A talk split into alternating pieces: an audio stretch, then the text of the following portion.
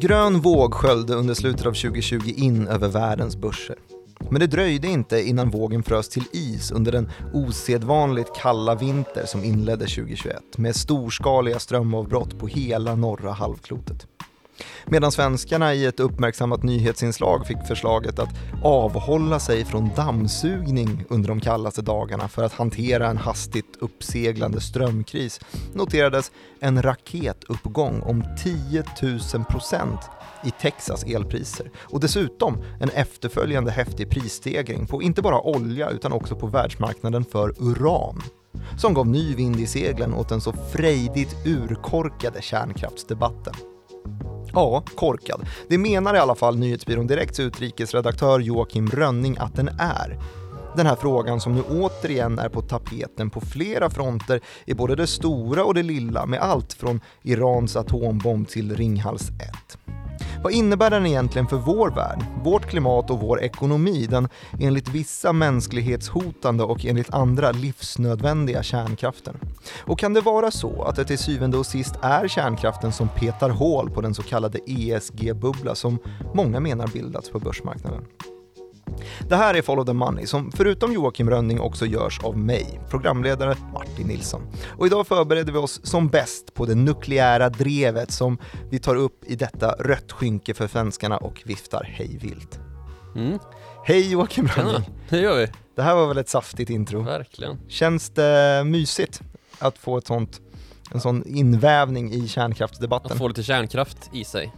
Varför har du eh, kallat så många korkade idag? Eh, vi kan väl komma till det i slutet kanske? Ja, Det är någon form av slutsats ja. Ja, det blir ju det. Men Mm, det. eh, det är ju en, en debatt som har väldigt tydliga poler, tycker jag. Okej. Eh, och så har det alltid varit här. Trots att vi hade tre olika alternativ i kärnkraftsomröstningen. Så har alla varit korkade?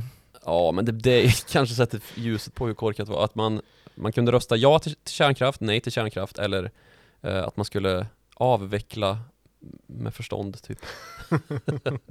Ja, det är bra. Av, ja, precis. Hörru, vet du, jag skulle vilja dra tillbaks till, eh, till våra rötter. Våra rötter i de här programmen inleddes alltid med en, en skön historiesammanfattning här. ja. Och eh, kan du kärnkraft tillräckligt bra för att dra någon sån? Vad tror du om mig? Ja, det är klart du kan. Mm. Nej men eh, det är klart jag kan. Jag har ju ändå Svenska gymnasieskolans fysik B i bältet. Ja, men då så. Då Och tar du just igenom fusion och fission och sånt där. Ja, nej men eh, kärnkraften har väl eh, en eh, inte så jättelång historia vetenskapligt eh, egentligen. Mhm. Och man, som, som brukligt är och som vi har pratat om i den här podden så har den ju först och främst haft ett applikations, en applikationsnytta i vapenindustrin. Just det. Mm. Eh, Det är ju upptäckter av Albert Einstein som har lett till eh, många delar av den atombomb som ju utvecklades i det amerikanska Manhattan-projektet Mm. ju när en massa tyska och amerikanska och andra forskare som, ja, tyskar då som hade emigrerat naturligtvis eller flytt eh, tillsammans med amerikanska forskare då lyckades framställa det första kärnvapnet som släpptes över Nagasaki var det väl och sen Hiroshima också Mm. en tvåa. Eh, med fruktansvärda följder och ehm, konsekvenser som delvis ledde till att andra världskriget tog slut men också till att eh, ja, vi fick upp ögonen för vad, eh, vad man kan göra med kärnenergi. Och, Det här var kraftfullt. Ja, precis. Och under en lång period så har ju kärnenergi kommit att styra hela världspolitiken ju. För det var ju läget under hela kalla kriget. Just det, man riktade stridsvapen Man riktade varandra. stridsspetsarna mot varandra och så sa, vi, sa man gör som vi säger annars eh, jävlar. Mm. Och vice versa då naturligtvis. Och så blev det det här kalla kriget just att man bara utbytte hot. Eh, för att alla visste att om vi om vi skrider framåt med ett krig med dessa vapen så kommer vi inte finnas kvar, någon av oss till slut. Mm, just det, ett Eh, litet chicken blivit- race av något Ja, slag. precis. Det är ett chicken race, ja. det är en bra beskrivning. Ja. Ehm, men jag vet inte, hur djupt ska vi gå in på själva tekniken? Jag tycker Eh, att du kan i alla fall lite lätt förklara hur det funkar. Lite lätt Och förklara är hur det så att funkar. du inte kan så säger du pass. Nej, men det vill jag inte göra. Nej. För man räknar ju då med att det finns eh, fyra olika växelverkansenergier att laborera med i Ja. världen, i naturen, Mm. som man har hittills hittat då. Och det, Um, stark växelverkan som vi kommer prata om nu då. Så finns det svag växelverkan också och det är ju inuti atomerna kan man säga. Mhm. Det som sammansätter atomerna, själva um, energin som skapar bindning mellan, mellan uh, isotoper, och, eller som utgör isotoper då. Um, och sen så har vi ju även elektromagnetisk energi och gravitation i den här i det här energispelet av Sörjan av påhitt. Ja, den här Mm. sörjan av eh, växelverkans energier. Och eh, vi ska hoppa över den svaga växelkraften som sagt och attackera stark växelverkan då. Och det är den kraft som det binder ihop kvarkar eh, till protoner och neutroner då, som ju är det som utgör en atomkärna. Mhm. Och vi, det här handlar ju om fissionskraft, alltså fission vet ju vi som håller på med finans betyder att man delar på någonting. Just det, Eh, Så det, det som händer är ju att man klyver en atomkärna. som en aktiesplit. Exakt, som en aktiesplit. Och så gör man det här då med hjälp av att bombardera en eh, instabil isotop. ehm, och vanligtvis då en tung isotop. eh, som uran har visat sig, en, en isotop av uran har visat sig väldigt lämplig. Uran 235. eh, Nu försvinner, nu har, jag har inga fler aktieliknelser kvar nej. faktiskt. Men uran 235, den har då 235 neutroner. Just det. Så skjuter man på en extra neutron då, då blir isotopen så pass instabil att den klyver sig Mhm. eh, och blir till två olika andra ämnen. Och så frisätts det energi. Eh, och denna energi kan man kalla för radioaktivitet, Mhm. strålning. Och denna strålning kan man sedan då använda för att hetta upp vatten som man gör i en bassäng inuti ett kärnkraftverk. Och när vattnet har värmts upp eh, till kokpunkten kanske Mhm. så bildar det ånga eh, och denna ånga kan man använda för att driva på en turbin och ladda upp elnätet med. Vips. Vips så har man genererat kraft som man kan tända glödlampan med. Det var ju väldigt fint. Men du, eh, det här är ju en viktig beståndsdel i det som den här podden handlar om lite grann och det är ju mestadels ekonomi, Mm, mindre fysik, Mindre eh, fysik. vanligtvis.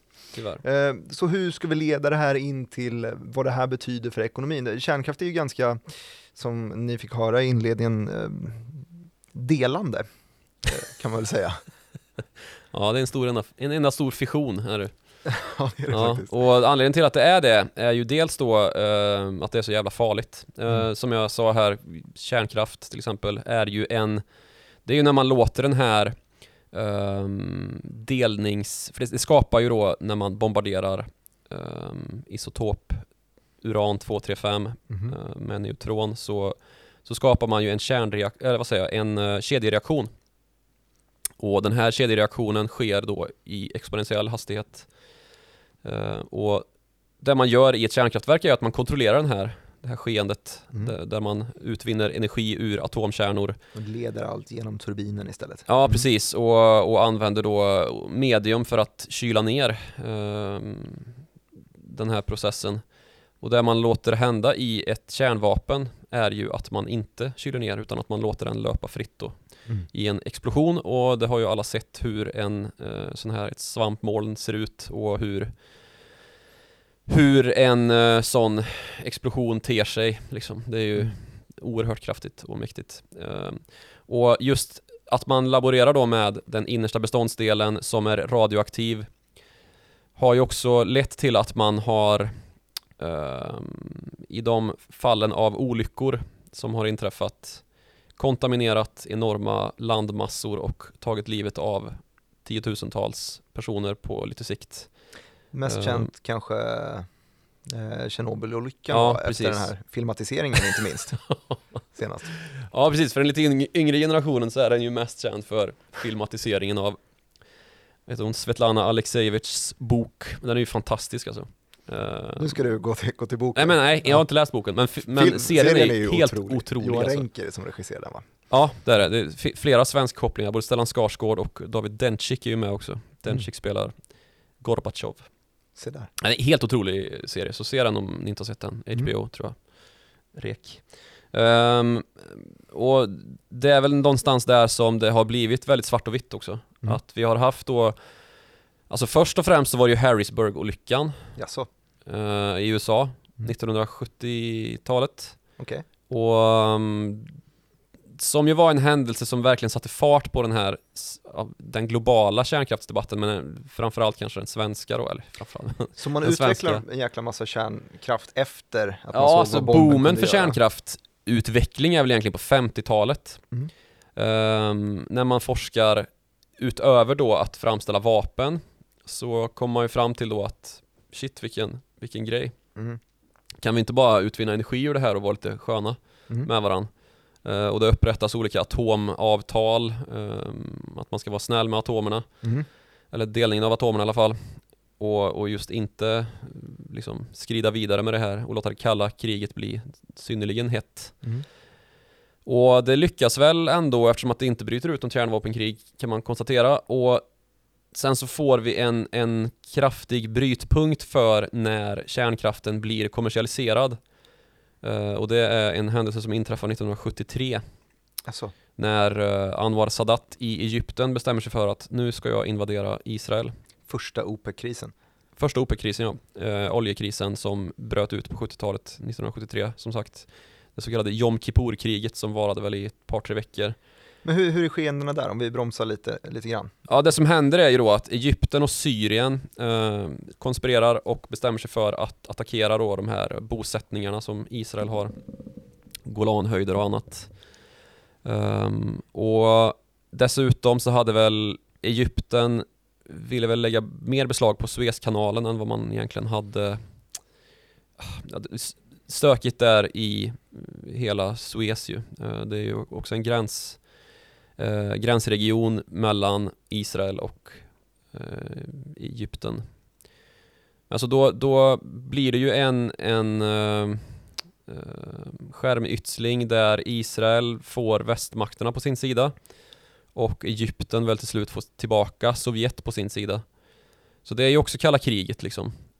Men det som händer i, i förlängningen är då att eftersom att USA och Storbritannien bestämmer sig för att gå in på Israels sida i det här eh, geopolitiska spelet så vänder OPEC då med arabländerna eh, ja, västmakterna ryggen och bestämmer sig för att vi kommer inte dela med oss eh, av olja. Akut oljebrist uppstår. Ja, precis. Och det blir ju ransoneringar i hela västvärlden egentligen. Var det också precis samma skeende som då som nu, att man inte fick dammsuga, eller hur yttrade det sig? Ja men det var väl framförallt då att man inte fick tanka bilen hur som helst. Just det. Ehm, Men det drev ju upp priser och det skapade en, en utbuds, ehm, vad ska jag säga, negativ utbudschock. Mm. Och ehm, Då förstår man ju att kärnkraft ja precis, och då växer ju kärnkraften fram som ett väldigt hållbart, eller vad ska man säga, hållbart är väl, nu får man väl vara lite politiskt eh, försiktig här men. Det tycker jag. Det, det dyker i alla fall upp som en, eh, en möjlig väg ut då att generera mycket energi och lösgöra oljan för biltankning eller vad man ska säga, eller till det, till det det absolut behövs för. Mm. Eh, elbilarna var inte så långt gångna på den tiden. Så då växer ju kärnkraftsindustrin fram i väldigt snabb takt eh, i framförallt då i USA och Europa, Västeuropa och Japan och Sydkorea som ju är ohyggligt energiberoende Mm. och några väldigt stora konsumenter av just olja. Ehm, och det här blir ett populärt fenomen eh, fram till dess att vi har Harrisburg-olyckan och eh, det har jag sagt tidigare i den här podden någon gång. Tage Danielsson har en eh, berömd liten, vad ska man kalla det? En liten monolog när han pratar om just kärnkraften och hur, hur liksom paradoxalt det är att någonting som är så himla för det har ju lyfts fram då som något, någonting väldigt osannolikt att det ska hända en kärnkraftsolycka. Mm. Och även efteråt när Harrisburg-olyckan väl har skett så motiverar fortfarande kärnkraftförespråkarna då eh, kärnkraften med att men det var ju ändå så himla osannolikt att det skulle ske. Så då eh, resonerar Tage Danielsson att man kan ifrågasätta om det verkligen har skett. Eh, eftersom att det var så osannolikt. Ja, ungefär så. Och det här lägger ju, det kan ju liksom vila lite som grund för den svenska kärnkraftsdebatt som, som uppstod då, för då har ju Sverige faktiskt gått ganska i bräschen som vi alltid har gjort inom kemi och eh, fysik, så har ju både Sverige och Norden, Danmark med Niels Bohr, den gamle fysikern som upptäckte väl elektronen och atomens sammansättning, ehm, blivit framstående även inom kärnkraft. Mm. Vi har eh, upprättat de första kärnreaktorerna både på experimentell basis och på kommersiell basis där på 70-talet. Uh, eh, och de har kommit att kallas då för olika uh, R och olika nummer framåt då, R1 och så vidare. Och i um, ja, i slutet av 90-talet så har vi ju uh, flera stora kärnkraftverk som, som kör på. Mm. Och Barsebäck är väl det mest kända som numera är nedlagt på grund av danska klagomål egentligen. Just det. Um, Den låg för nära gränsen där och de, ja, de hade lite ja, ja. skräck. Mm. Ja. Sen så har vi ju, som vi sa i introt här, Ringhals som ju är nu på tapeten. Det var väl den senaste som stängdes. Och sen så har vi ju också Forsmark där vi har våra slutlagringsplatser, om jag inte missminner mig. Där vi då, för det är ju det stora problemet med det här att det skapar ju ett, ett jävla aber med slutförvaring. För vi har det är ju de plötsligt... två, två negativa punkterna här. Ja. Dels att det kan sprängas och det är läskigt ja. och dels att vi inte vet hur vi ska lägga de här grejerna. Sen. Nej precis, så det, det, man gör då är att man gjuter in, in liksom det anrikade uranet i koppar. För det är ju restmaterialet från uranet då som man har kört in i den här bassängen i stavform mm. som eh, anrikas och blir radioaktivt just i en mycket högre utsträckning än innan och sen så eh, ska man ju iaktta då en halveringstid, alltså den tiden det tar innan det inte strålar längre. Det är jättelång tid. Ja, det är jättelång tid. Det är ju liksom, jag vet inte om det är hundratusentals år eller tiotusentals år, men det är ju extremt många generationer. Nej, mm. det är ju extremt många generationer i alla fall. Och det, det, finns liksom ingen bra lösning på det här kan man ju konstatera då eftersom att debatten är så eh, infekterad runt just slutförvaringen mm. utöver då den olycksrisk som sker, eller som finns eh, genom historien. Och nu vill jag väl kanske föra in som en liten brasklapp här att det är ju inte eh, så att alla andra energislag är ofarliga. Och om man tar en liksom skärskådning av vad kärnkraften har gjort med mänskligheten så är ju det fruktansvärda konsekvenser och som sagt, det fick man väl verkligen upp ögonen för i den här Tjernobyl eh, halvdokumentära eh, tv-serien, hur fruktansvärda effekter det får med den här typen av strålning då. Mm. Eh, och efterföljande dessutom då att eh, ehm, det ger sköldkörtelcancer eh, i väldigt hög grad i drabbade områden då som har ehm, ja, fått spridning av de här partiklarna som skjuts ut ur ett kollapsande, en härdsmälta, ett kollapsande kärnkraftverk. Ja.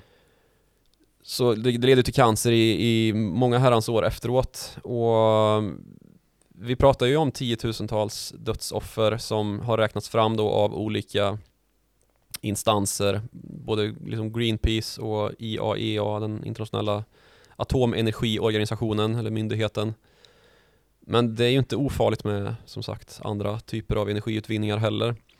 Det är väl just att vidden av det här är så ja, pass det blir väldigt, ogreppbart. Ja, och det blir ju väldigt koncentrerat också. Mm. Uh, dels då den här plötsliga explosionen och sen då uh, skräcken det medför då när man har ett, ett radioaktivt moln på drift över Europa som man hade då 1986. Plocka inte bär i skogen. Nej precis, det var ju nedfall här i, utanför, mm, alltså i östra Sverige. Mm.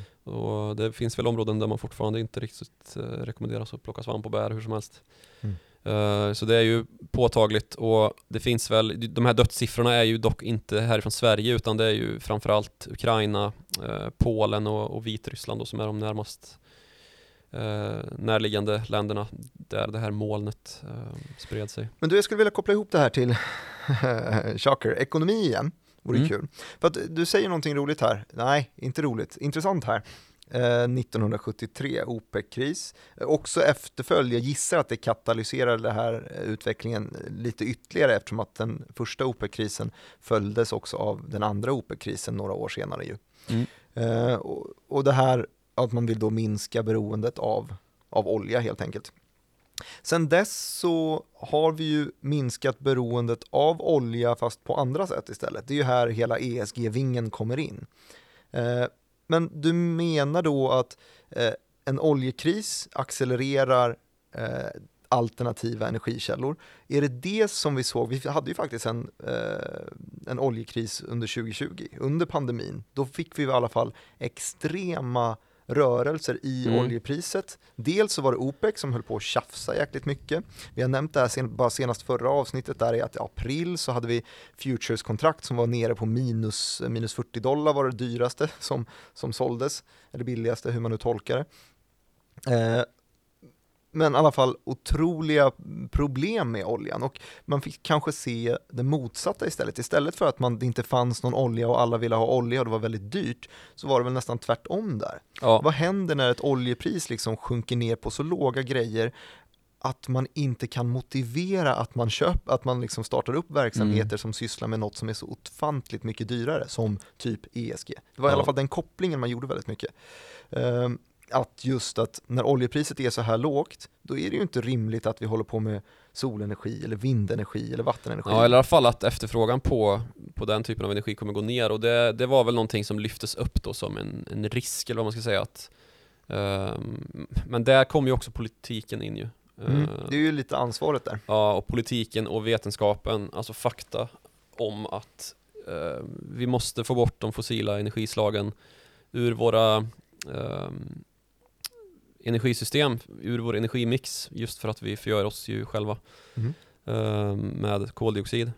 Så den, den, den tanke, det tankespåret har ju inte tyckts leda någon vart. Um, nu har vi ju istället då haft den här, det här narrativet, den här historien om att vi har en ESG-bubbla, alltså en, en bubbla i klimataktier som har rusat något, något uh, fabulöst här under just framförallt andra halvan av 2020 då när det ja, blev en effekt av de här satsningarna som man började hinta om då i politiska församlingar i mm. såväl eh, rikare delar av Asien, USA och här i Europa. Mm. Jo men det verkligen, och det, det, har jag sett i, i just enskilda aktier också. Alltså det, vi snackar, mm. eh, en rolig sak som jag tycker kan illustrera eh, lite vart, vart marknadssentimentet är just nu, eh, fast på ett mellaninnovativt sätt, är att man kollar antalet olika aktieägare på eh, alltså vilka aktier som flest småsparare äger. Och kikar man på en sån lista och kollar då över alla olika börser så har vi då såklart överst ligger Investor, tvåa ligger Kinnevik, det är de här stora, de har liksom på Eh, om man tar Avanza som, som måttstock så är det väl typ 160 000 som äger Investor. Men scrolla ner lite grann, så du behöver inte komma så långt ner innan du ser eh, Ericsson. Och bredvid Ericsson så ligger Soltech. Ja. En hundradel typ, mindre än en hundradel i börsvärde Ericsson är över 300 miljarder och, och Soltech är max 3 miljarder mm. i börsvärde. Men det är typ lika många aktieägare. Och det ja, har det seglat coolt. upp väldigt mycket på senaste. Samma sak ännu lite längre ner i listan så har vi liksom Aselio med mm. mer än dubbelt så många aktieägare som Hexagon till exempel. Så att det, liksom, det korrelerar inte storleken med med, med börsvärdet på bolag och an, den, den anrikheten på sådana här bolag som alltså. Ericsson. Alltså. Uh, samtidigt så har vi ju sett en, en tydlig uh, sättning nu i marknaden de senaste veckorna här. Vestas till exempel, det danska vindkraftsbolaget, är ju duktigt ner mm. från toppen uh, som sattes runt nyår, det är väl en 20-30% mm. Ehm, och Ja, jag vet inte vad det har att göra med, kanske just att det här narrativet som jag sa har bitit fast då, att det kanske är en bubbla det här. Um, och, Bubblor är volatila. Ja, precis. Sen så måste vi ju som sagt lösa det här på något vis framgent. Mm. Ehm, men det, det, finns ju andra variabler i det här också som att vi har extremt höga börsvärderingar just nu. Det har ju gått väldigt starkt på börsen under väldigt lång tid och sådär. Men är det inte bara att allting går upp då? Alltså ja, ESG, ESG det det går upp, oljepriset går upp, kärnkraftsdebatten går upp, allting går upp. Ja, det är väl lite där vi är någonstans. Um, men vad skulle jag säga? Um, det pågår ju en väldigt livkraftig debatt i alla fall som fick ny fart nu då med att det lyftes fram att anledningen till att vi måste börja nästan ransonera med elektricitet och inte dammsuga på kalla dagar är ju för att vi inte har tillräckligt mycket kärnkraft var ju då den, den uh, ena polen i debattsammanhanget. Uh, mm. uh, deras åsikt. Och det här är ju just i förhållande till Ringhals då som nyss har stängts ner att vi hade ju inte behövt ha den här diskussionen om vi bara hade kört på med Ringhals. Mm. Och det är ju i sig en, en uh, ja, det är ju ett regeringsbeslut som har fattats i ganska så kraftig opposition då mot, uh, alltså där, där det var en, en, uh, en stor andel av riksdagen som röstade emot. Alltså det är ju verkligen regeringen mot oppositionen i den frågan. Mm. Så det, och det ju, blir ju alltid en det, av någon anledning så blir det alltid en, en antingen antingen eller inte alls eh, debatt liksom. Eh, allt eller inget, det är inte liksom en lite mer balanserad diskussion om hur mycket av det ena eller det andra utan det är allt eller inget i princip hela tiden. Men det är väl lite av en allt eller inget fråga. Antingen så har du en, en, en aktiv reaktor som står redo för en härdsmälta eller så har du inte det. Jo, man skiter man kan lite ha är många, liten eller stor. Man kan ju ha olika många reaktorer liksom, det är väl det jag menar. Ah, okay. ehm, och att man uh, säkrar upp näten då med, för det om man, man kan ju göra mycket analyser på olika typer av energiutvinningsmöjligheter då som sol, vind, vatten och kärnkraft då som är, väl är de som nu kommer vara legitima framåt liksom i någon bemärkelse. Mm. Men um, kärnkraften är ju inte generellt kategoriserad som grön energi Nej gud nej, bara för att den inte förstör koldioxid så är det fortfarande inte någonting. Eh, de flesta ser ju hellre att elen har kommit från ett ESG-alternativ som är mm. säkrare och inte riskerar sprängas. Precis. Och dessutom så kan man ju inte säga att kärnkraft är förnybart heller eftersom att vi inte har ändliga, eller ändlösa tillgångar på uran till exempel. Det märkte vi ju på världsmarknadspriset. Ja, precis. Och sen så har vi vissa, Norge har gått i bräschen för ett projekt där man forskar på torium, ett annat, eh, ett annat ämne som, som man då potentiellt ska kunna nyttja för, eh, för kärnkraft istället för uran. Men det är ju ändå ändliga tillgångar vi pratar om. Mm. Så det har inte kvalat in som, som eh, förnybart på det sättet som sol, vind och vatten har gjort. Även om vatten då i viss mån också är lite omtvistat just för att man förstör så mycket ekologi genom att ha de här enorma dammarna. Och dessutom så är det kanske inte så hållbart i fråga om då de här dammkatastroferna som inträffar med jämna mellanrum. Den största dammkatastrofen eh, i Kina, eh, 70-talet det också, så det är ju inte skitlänge sedan tog ju livet av en, ja, olika beräkningar såklart och Kina som mm. gäller men uppemot i alla fall har jag sett beräkningar på 250 000 människor. Mm. Eh, när 30 städer översvämmas då av en sån här jättedamm som spricker och går sönder efter ett häftigt eh, nederbörds, en häftig nederbördsperiod. Finns risker med Alltså det finns ju risker med energi i närheten av precis, folk. och det är ju också någonting som, som ofta som ofta påpekas mot eh, framförallt vindkraft då, att det är också farligt på olika sätt. Eh, Slakta så, fåglar och sånt där va? Ja, precis. Och sen så får man väl eh, kanske ha lite, eh, lite varsel med de påpekandena. Eh, eftersom att det, ja, det verkar väl inte finnas hur mycket fakta som helst bakom det, eh, som helst i alla fall. Nej. Eh, men inte riskfritt i alla fall. Och ska man prata klimatsmarthet så finns det ju också en del saker att påpeka för effektiviteten i vindkraft och solkraft uh, jämfört med kärnkraft. Då gäller det ju framförallt då konstruktionskostnaderna. Uh, för det är ju inte klimatgratis att tillverka de här vindsnurrorna och de här solpanelerna. Och de här kärnreaktorerna. Nej, precis.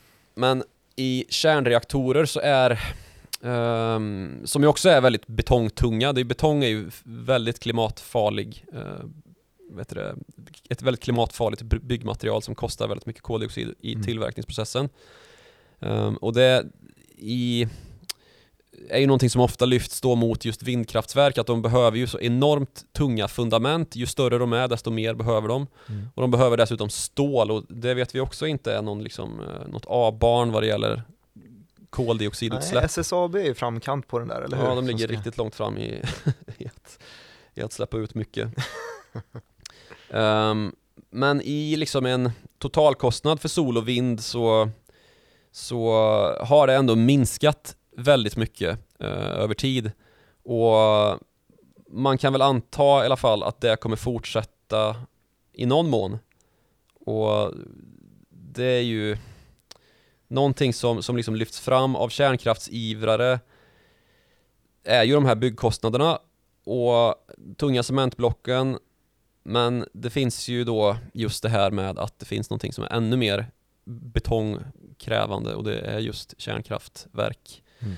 Så där någonstans är ju den kalkylen färdiglagd i alla fall att även om cement kommer bli liksom klimatsmartare vad det lider och sådär så, så kostar det mer cement att bygga ett kärnkraftverk än Men, men alla är väl då överens om att eh, ett, ett ESG-alternativ för energi, om vi, om vi får det att funka så vore väl det toppen? Ja, eh, men nu finns det ju andra problem med just eh, den grö- de förnybara eh, källorna, sol, vind och, och vatten då, om man ska räkna in vatten. Och det är ju att det är en ganska så lokal generation av sådana eh, Mhm. parker då som man för upp. Och det kräver då i sin tur att man måste eh, uppbygga nya elnät som, som då kan eh, ja, nå ut till där den här kraften genereras. Alltså i de här parkerna och det kräver ju också byggkostnader i form av råvara och eh, pengar. Så det är ju en lite annan kalkyl man får göra där för jag menar kärnkraftverk har vi redan och det är på så sätt också mycket smartare med kärnkraft just i det att ytan som krävs för att uppföra eh, ett kärnkraftverk som har X i eh, kraftgenerering är mycket mindre än vad den är för sol och vindkraft då. För att den här processen inuti kärnkraftverk är så pass energiintensiv. Eh, Den genererar väldigt mycket energi på en väldigt liten yta.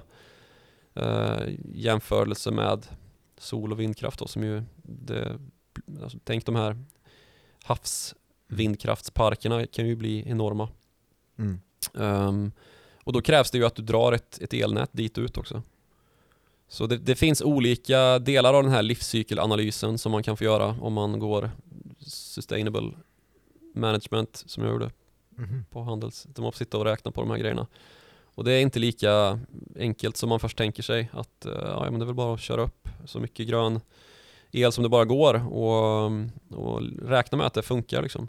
Sen så finns det också problem med, eh, vad ska man säga, eh, reliability, alltså att, du ska, att, det, att det blir ett pålitligt, eh, en pålitlig generation, eller ett pålitligt genererande av ström och kraft då, genom att eh, det ständigt finns vindkraftsverk som snurrar, det finns ständigt solkraftverk som, som träffas av solstrålar. Och så är det ju inte riktigt. Ehm, och det ställer då enorma krav på att vi har ett integrerat energisystem där solen kan lysa på solkraftverk i Sahara kanske, där det, solen lyser för det mesta. Och som sen kan då dras nytta av här uppe i Sverige, även om det är vinter och inte skiner så mycket sol. Mm. Och så är det ju inte. Vi har ju inte liksom en direktkoppling i elnätet ner till Men det är, ju, det är ju Algeriet. precis det här som i alla fall många börsbolag som sysslar med ESG och som är en del av den här ESG-håsen, det är den typen av gåtor som många av dem försöker, Ja. försöker lösa.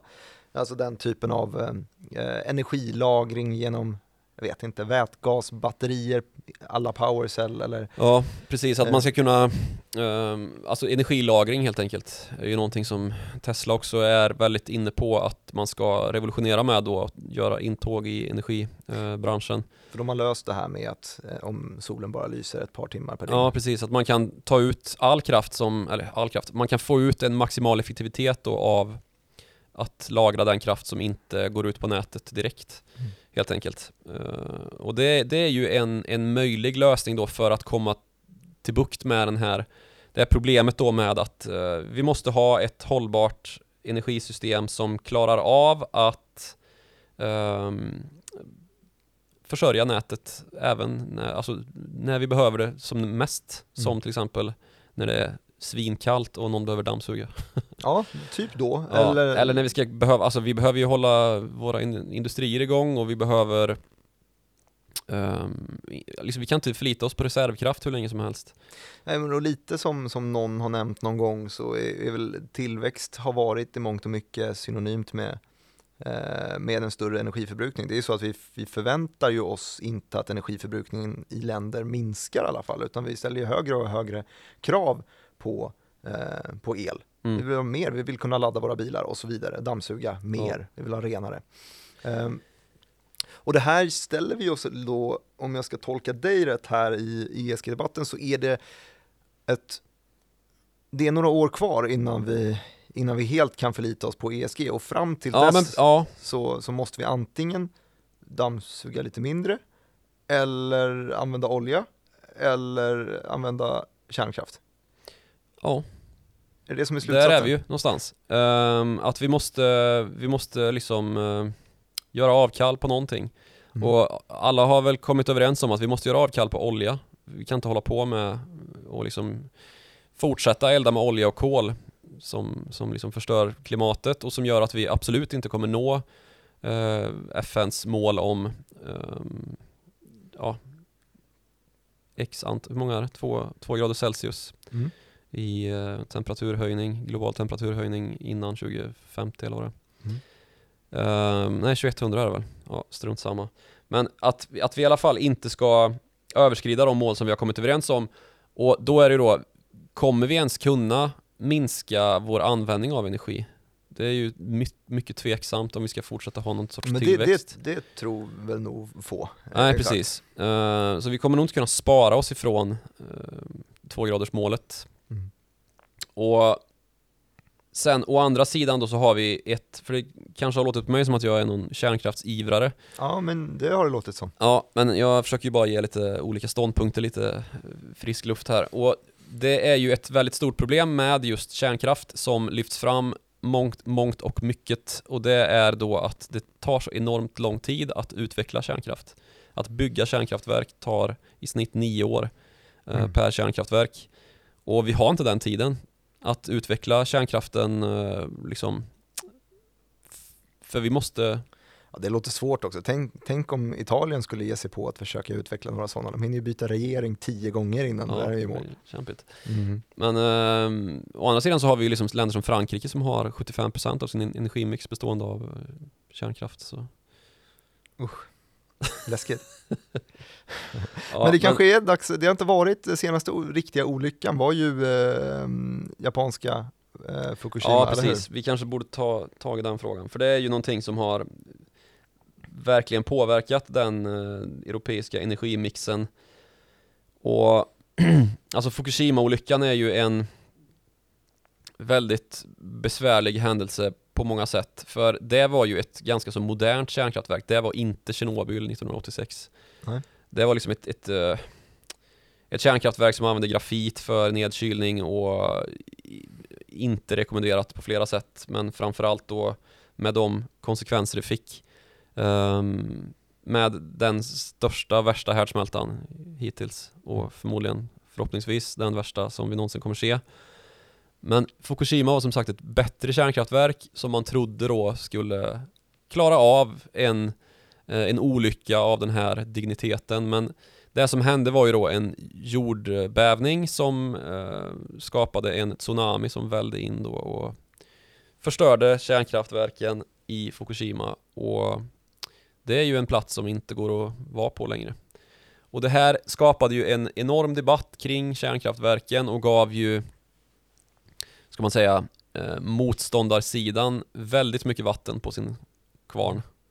Ehm, och det ledde ju till att eh, den största konsekvensen är väl att, att eh, Tyskland här i Europa då eh, slutade, bestämde sig för att sluta med kärnkraft. Och det liggande målet är att man ska ha, eller det, det beslut som har fattats är att man ska ha avvecklat all sin kärnkraft fram till 2022. Så det är ju snart. Det är snart.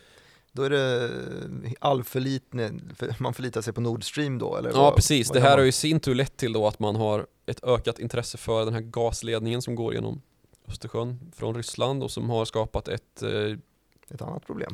ett annat problem i form av ett geopolitiskt kaos där eh, många västspelare anser att det här är ju att liksom gå bort sig i form av att släppa in Ryssland på den europeiska energimarknaden i en större omfattning än vad de har haft tillgång till tidigare.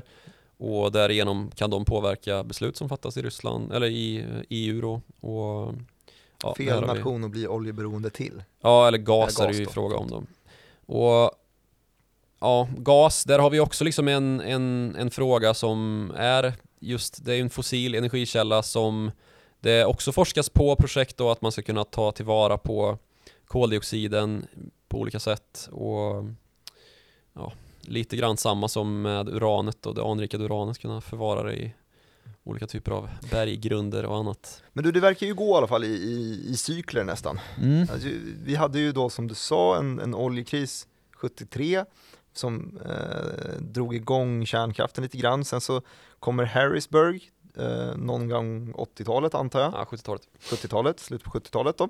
Eh, och efter Harrisburg så eh, vände vindarna bort så att USA inte ville syssla så mycket med kärnkraftverk och ja, sen så glömde fast, man bort det så småningom. Precis, för USA är ju det land i världen som har flest kärnkraftverk som är operativa. Mm, jag läste upp att det var att en femtedel av energin eh, ja. genereras av kärnkraftverk eh, där just nu. Ja, så då, då, ja precis. Och det, de har ju flest kärnkraftverk i hela världen eh, och det är ett stort land också. Men det, så det, det är ju någon, det är ju man har ju bytt ställning i den här frågan eller i alla fall inte, inte liksom skrotat Det verkar lite pest eller kolera helt enkelt. Ja det, det, har ju landat lite där och eh, jag vill väl hävda liksom att jag tycker det Det är trist när liksom Folk säger att eh, kärnkraft är det sämsta som finns Samtidigt som man eh, inte kan ha ett energisystem som fungerar samtidigt som vi bantade på eh, koldioxidutsläpp utan att faktiskt nyttja den kärnkraft som finns.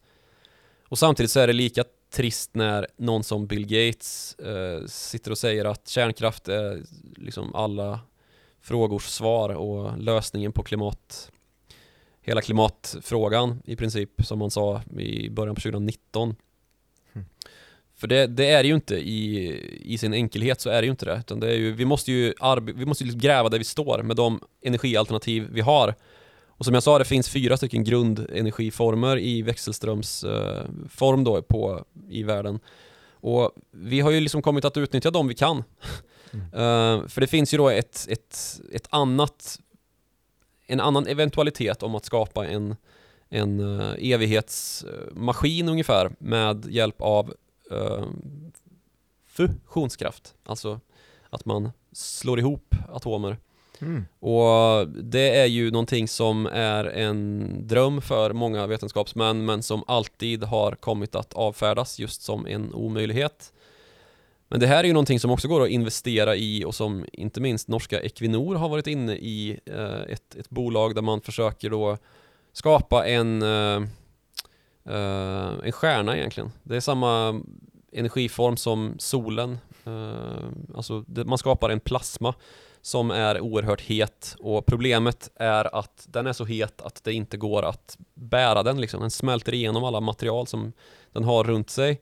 Mm. Så man skulle behöva hålla, upp det här magnet, eh, eller den här eh, Bygga ett hölje av gamla Nokia 3310 telefoner så Väldigt många. på plats. Nej men alltså, man, man skulle ju behöva liksom hålla uppe den här med en, eh, ett elektromagnetiskt fält då.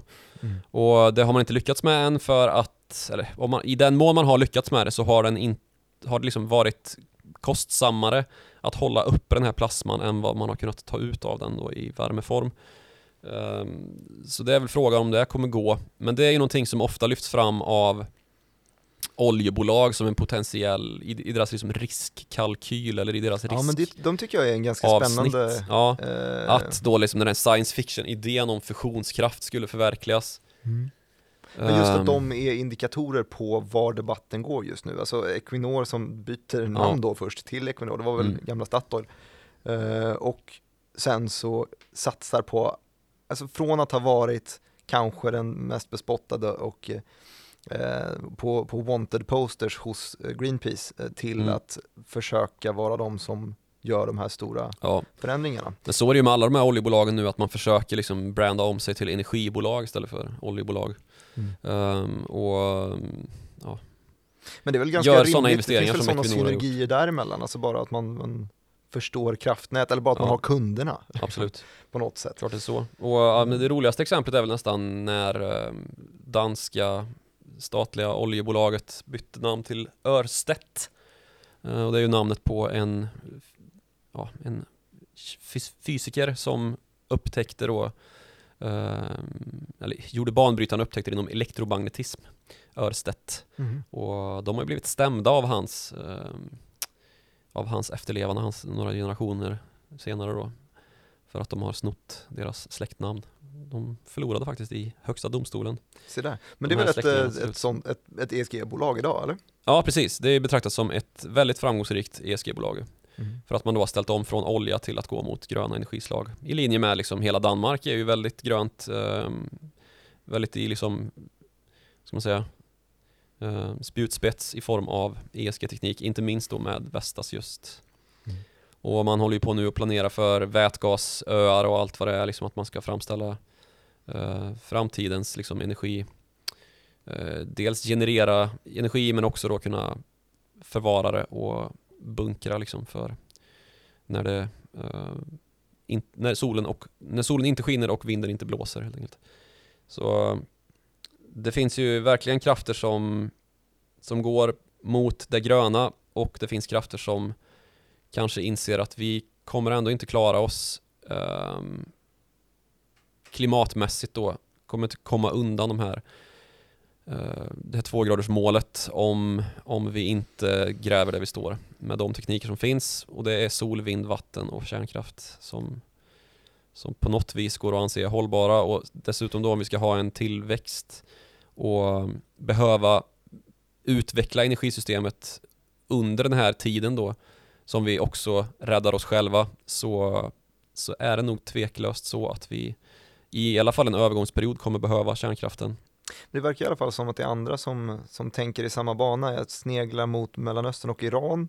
Har det inte skett lite utveckling kring deras eh, kärnkraftsavtal, mm. du som utrikesredaktör? Ja, men på tal om just eh, kärnenergin och dess makrogeopolitiska konsekvenser och hur mycket det egentligen styr i bakgrunden så är det ju en liksom långt pågående eh, fråga just med Iran och deras kärnenergi kapaciteter.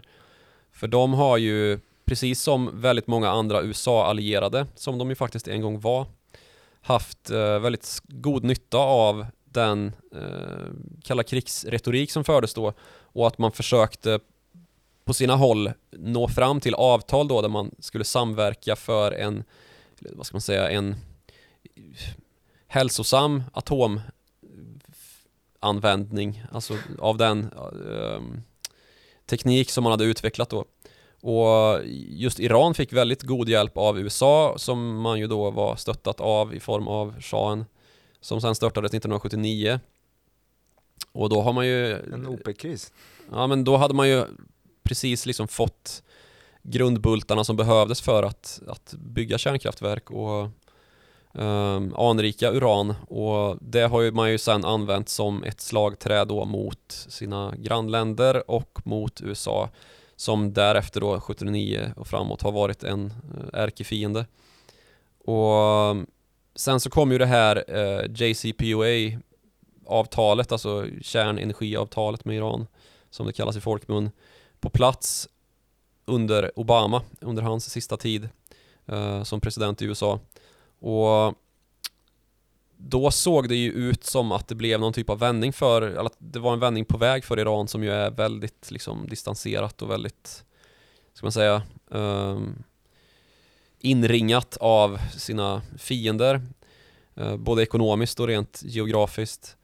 Att det blev lite lättnad att, att västerländska företag vågade komma in och sådär, men sen så kom ju Trump uh, in i Vita huset och rev det här avtalet och nu har ju då frågan varit hur Joe Biden ska göra med det här. Mm. Och hur Iran ska agera visavi Biden då.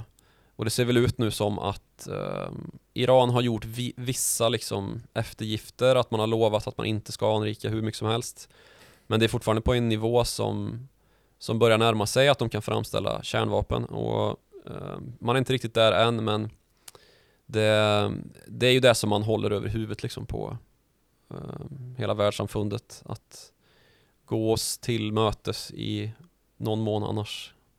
Annars så eh, kör vi på här. Och um, skaffar oss kärnvapen vi också. Och en totalitär islamsk stat är ju eh, lite av en mardröm för västländer att ha som en liksom, kärnvapenmakt.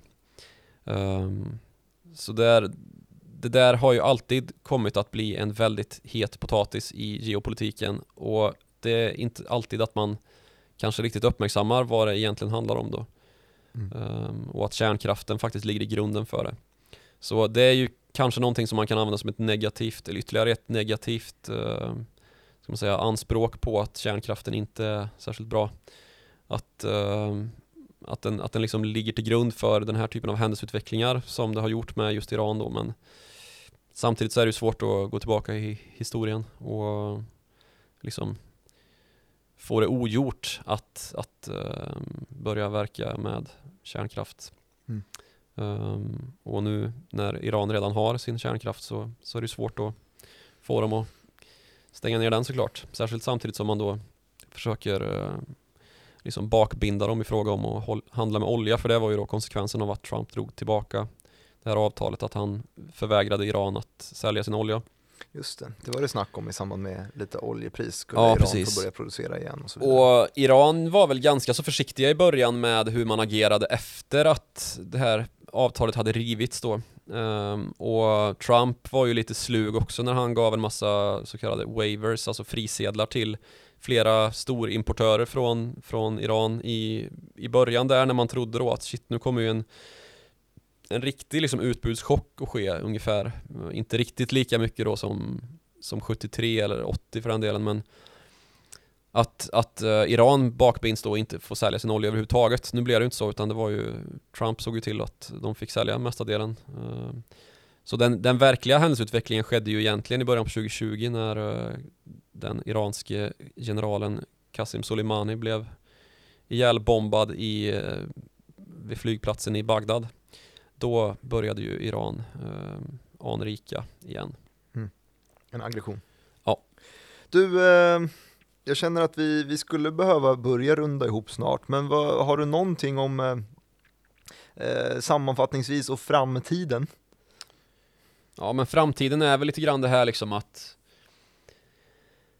vi kan, inte, vi kan inte vänta, vi kan inte hålla på och sitta och drömma om att det som i någon superhjältefilm ska dyka upp en Bill Gates eller en Elon Musk och säga jag har svaret på gåtan eller för den delen Equinor liksom mm. med en, en drastisk fusionslösning då att man plötsligt kan framställa den här plasman och uh, få, ett, få en evighetsmaskin mm. som gud vilka konsekvenser det skulle få för geopolitiken just den som fick tag på en sån.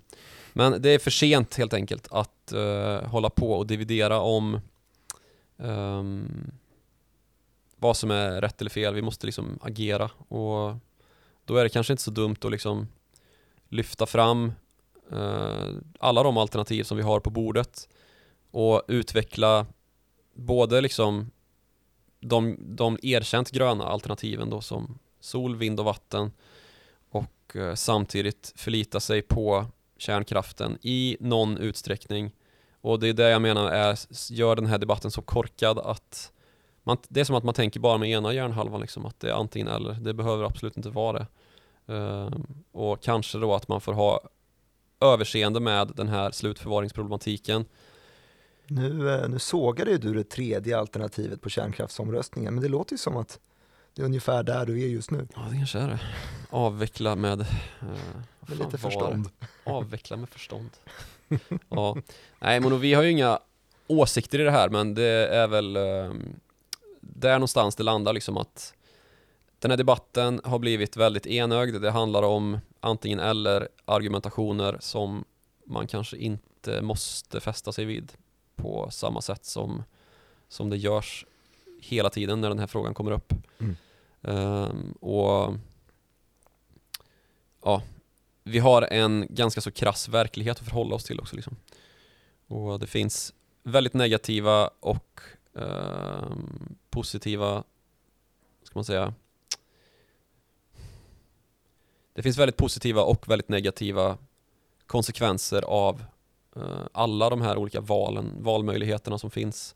Att gå helt grönt eller att gå mer kärnkraft eller att gå kör med den kärnkraft vi har. Um, och i det stora hela så är liksom energin, allt, energimarknaden är ju det som styr all geopolitik egentligen. Så i förlängningen så är det omöjligt att, att fatta några beslut utifrån att vi vet hur det kommer sluta uh, av olika alternativ. Det, det, kan ingen göra för att det är alldeles för dynamiskt och uh, som sagt är det nog liksom bättre att gräva där vi står och med de verktyg vi har, de spadar vi har. Och koppla samman det med en fin bergvärmepump från Nibe eller någonting. Ja, det är ju en annan sån eh, ett, ett, ett, annat forskningsområde är ju geotermisk energi eh, där man utvinner energi från jordens inre. Mm. Sen så har vi ju vågkraft och sånt här. Det finns ju en massa bolag på nordiska börser som, som håller på att forska kring och vi har alla vätgasbolagen som, som kämpar på med att eh, bevisa sig liksom på ett tillika då hållbart och eh, riskfritt sätt för som bekant så är ju väte en ganska explosiv eh, gas. Just det. Som, eh, ja, det, det, finns ju risker med alla de här. Det finns risker med, med precis just allting, men eh, just uppmärksamhet till ESG, det, det, det, har nog folk haft ganska bra koll på. Men, men inledningsfrågan i det här, eh, inledningen som jag drog var ju om, om kärnkraften kan pocka hål på ESG-bubblan. Eh, vad, vad, vad, tror du där? Jag tror nej. Du tror nej? Jag vill aldrig tro någonting. Nej, det var Eftersom bra faktiskt. att eh, just det här, um, alltså i, i förlängningen så tror jag nog att liksom eh, verkligheten kommer ikapp tillräckligt för att skapa den här dynamiken, vare sig vi vill eller inte. Att vi måste ju ha elektricitet för att liksom försörja processer som, som är vår ekonomi. Och eh, marknaden kommer ta hand om det liksom. Och då kommer nog kärnkraften att vara en del av det där, vare sig vi vill eller inte. Och sen så får politiken ta hand om då att vi inte utvecklar eh, energiformer som då de, de värsta syndarna i klassen som ju är kol och olja. Mm.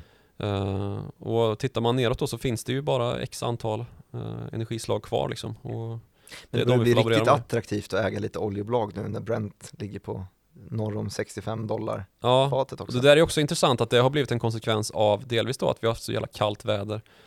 Uh, att det har sinkat oljeproduktionen i Texas och i USA då som ju har varit väldigt framstående de senaste 10-15 åren blivit, eh, när USA har blivit en nettoexportör av olja. Mm. och samtidigt så har vi då um, OPEC som har härjat loss och sänkt sitt utbud efter att man kom överens när, för det är det som orsakade den här kraschen ner till nollstrecket i vissa kontrakt var ju att uh, Saudiarabien började hämnas på, på Ryssland för att man inte ville gå med på några utbudssänkningar så då, då vred man på kranarna fullt upp istället mm. och orsakade då ett, man, ja, en, ett överflöd av olja i marknaden. Exakt. Så nu är vi i någon, i någon sorts motsatsscenario här ju, att uh, det finns för lite olja helt plötsligt. Och då börjar Goldman Sachs att skruva upp prognoserna. Ja, det är fint. Då vet vi att... Eh, men det finns ju också en liten beståndsdel i det där också. Det är ju, eh, det är väl någon form av vaccinationsförhoppning Ja, såklart. Också, det real, realekonomiska är ju att uh, vi har samhällen som börjar öppna upp ju. Och att vi har god effektivitet på de vaccin som har kommit ut även om det går på tok för långsamt för att uh, vara riktigt nöjd så så är ju effektiv, uh, vaccinen i sig i alla fall effektiva och um, i, även nu i större användar, eller säger man, patientstudier så har man ju sett då att framförallt att det, att det förhindrar svår sjukdom i en väldigt hög utsträckning är ju väldigt positivt och att vi nu kan börja se framåt mot en liksom normalisering igen. Du, vi började i eh, Oppenheimer ungefär, Manhattan-projektet. Manhattan-projektet. Med, med, Einstein och så vidare. Mm. Och, och, där började vi historien om eh, kärnkraften som du sa utvecklades på lite samma sätt som vi har nämnt flera gånger i podden att eh, mest innovativ är man när man vill kriga. När man vill mörda någon. Ja. Mm. Då hittar man på all, all, jättemånga sätt. Eh, och sen så lyckades man också, när man såg hur kraftfullt det var, eh, inse att det här var kul att utvinna energi av också. Eh, och då förklarade du att en fission var samma sak som en aktiesplit, fast yep. mer och eh, gav lite energi också. In, eh, in, involvera neutroner på ett annat sätt.